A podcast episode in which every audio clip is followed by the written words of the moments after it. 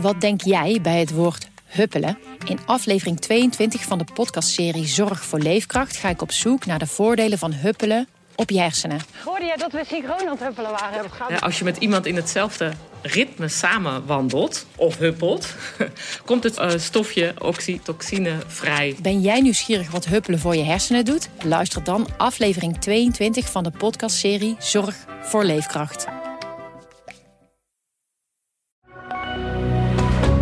Goedendag, dit is het nieuwsoverzicht van de Stentor. Verplicht een helm dragen en toch langzaam rijden? Veel mensen vinden het maar niks en laten hun snorscooter opvoeren. Scooterzaken in deze regio zijn er ontzettend druk mee, blijkt uit een rondvraag door de Stentor. Bij een aanrijding op de A16 in Brabant zijn vannacht drie doden gevallen.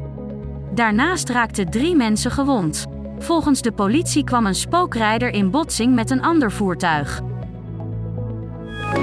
Vier kinderen zijn dit weekend mogelijk uit Zwolle ontvoerd. De politie vermoedt dat hun moeder ze mee naar het buitenland heeft genomen. Politie en douane kijken in meerdere landen naar ze uit. De bovenkerk in Kampen verzakt en dat heeft enorme gevolgen voor het historische orgel in de kerk. Elk moment kunnen er stukken steen uit de gewelven vallen en het landelijke bekende orgel vernielen. Dat blijkt uit een recente inspectie.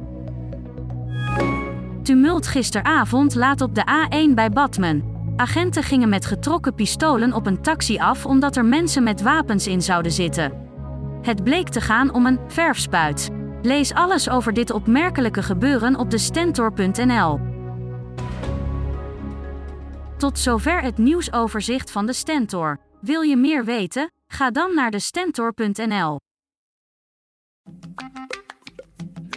Wat denk jij bij het woord huppelen? In aflevering 22 van de podcastserie Zorg voor Leefkracht ga ik op zoek naar de voordelen van huppelen op je hersenen. Hoorde jij dat we synchroon aan het huppelen waren? Ja, als je met iemand in hetzelfde ritme samen wandelt of huppelt, komt het uh, stofje oxytocine vrij. Ben jij nieuwsgierig wat huppelen voor je hersenen doet? Luister dan aflevering 22 van de podcastserie Zorg voor Leefkracht.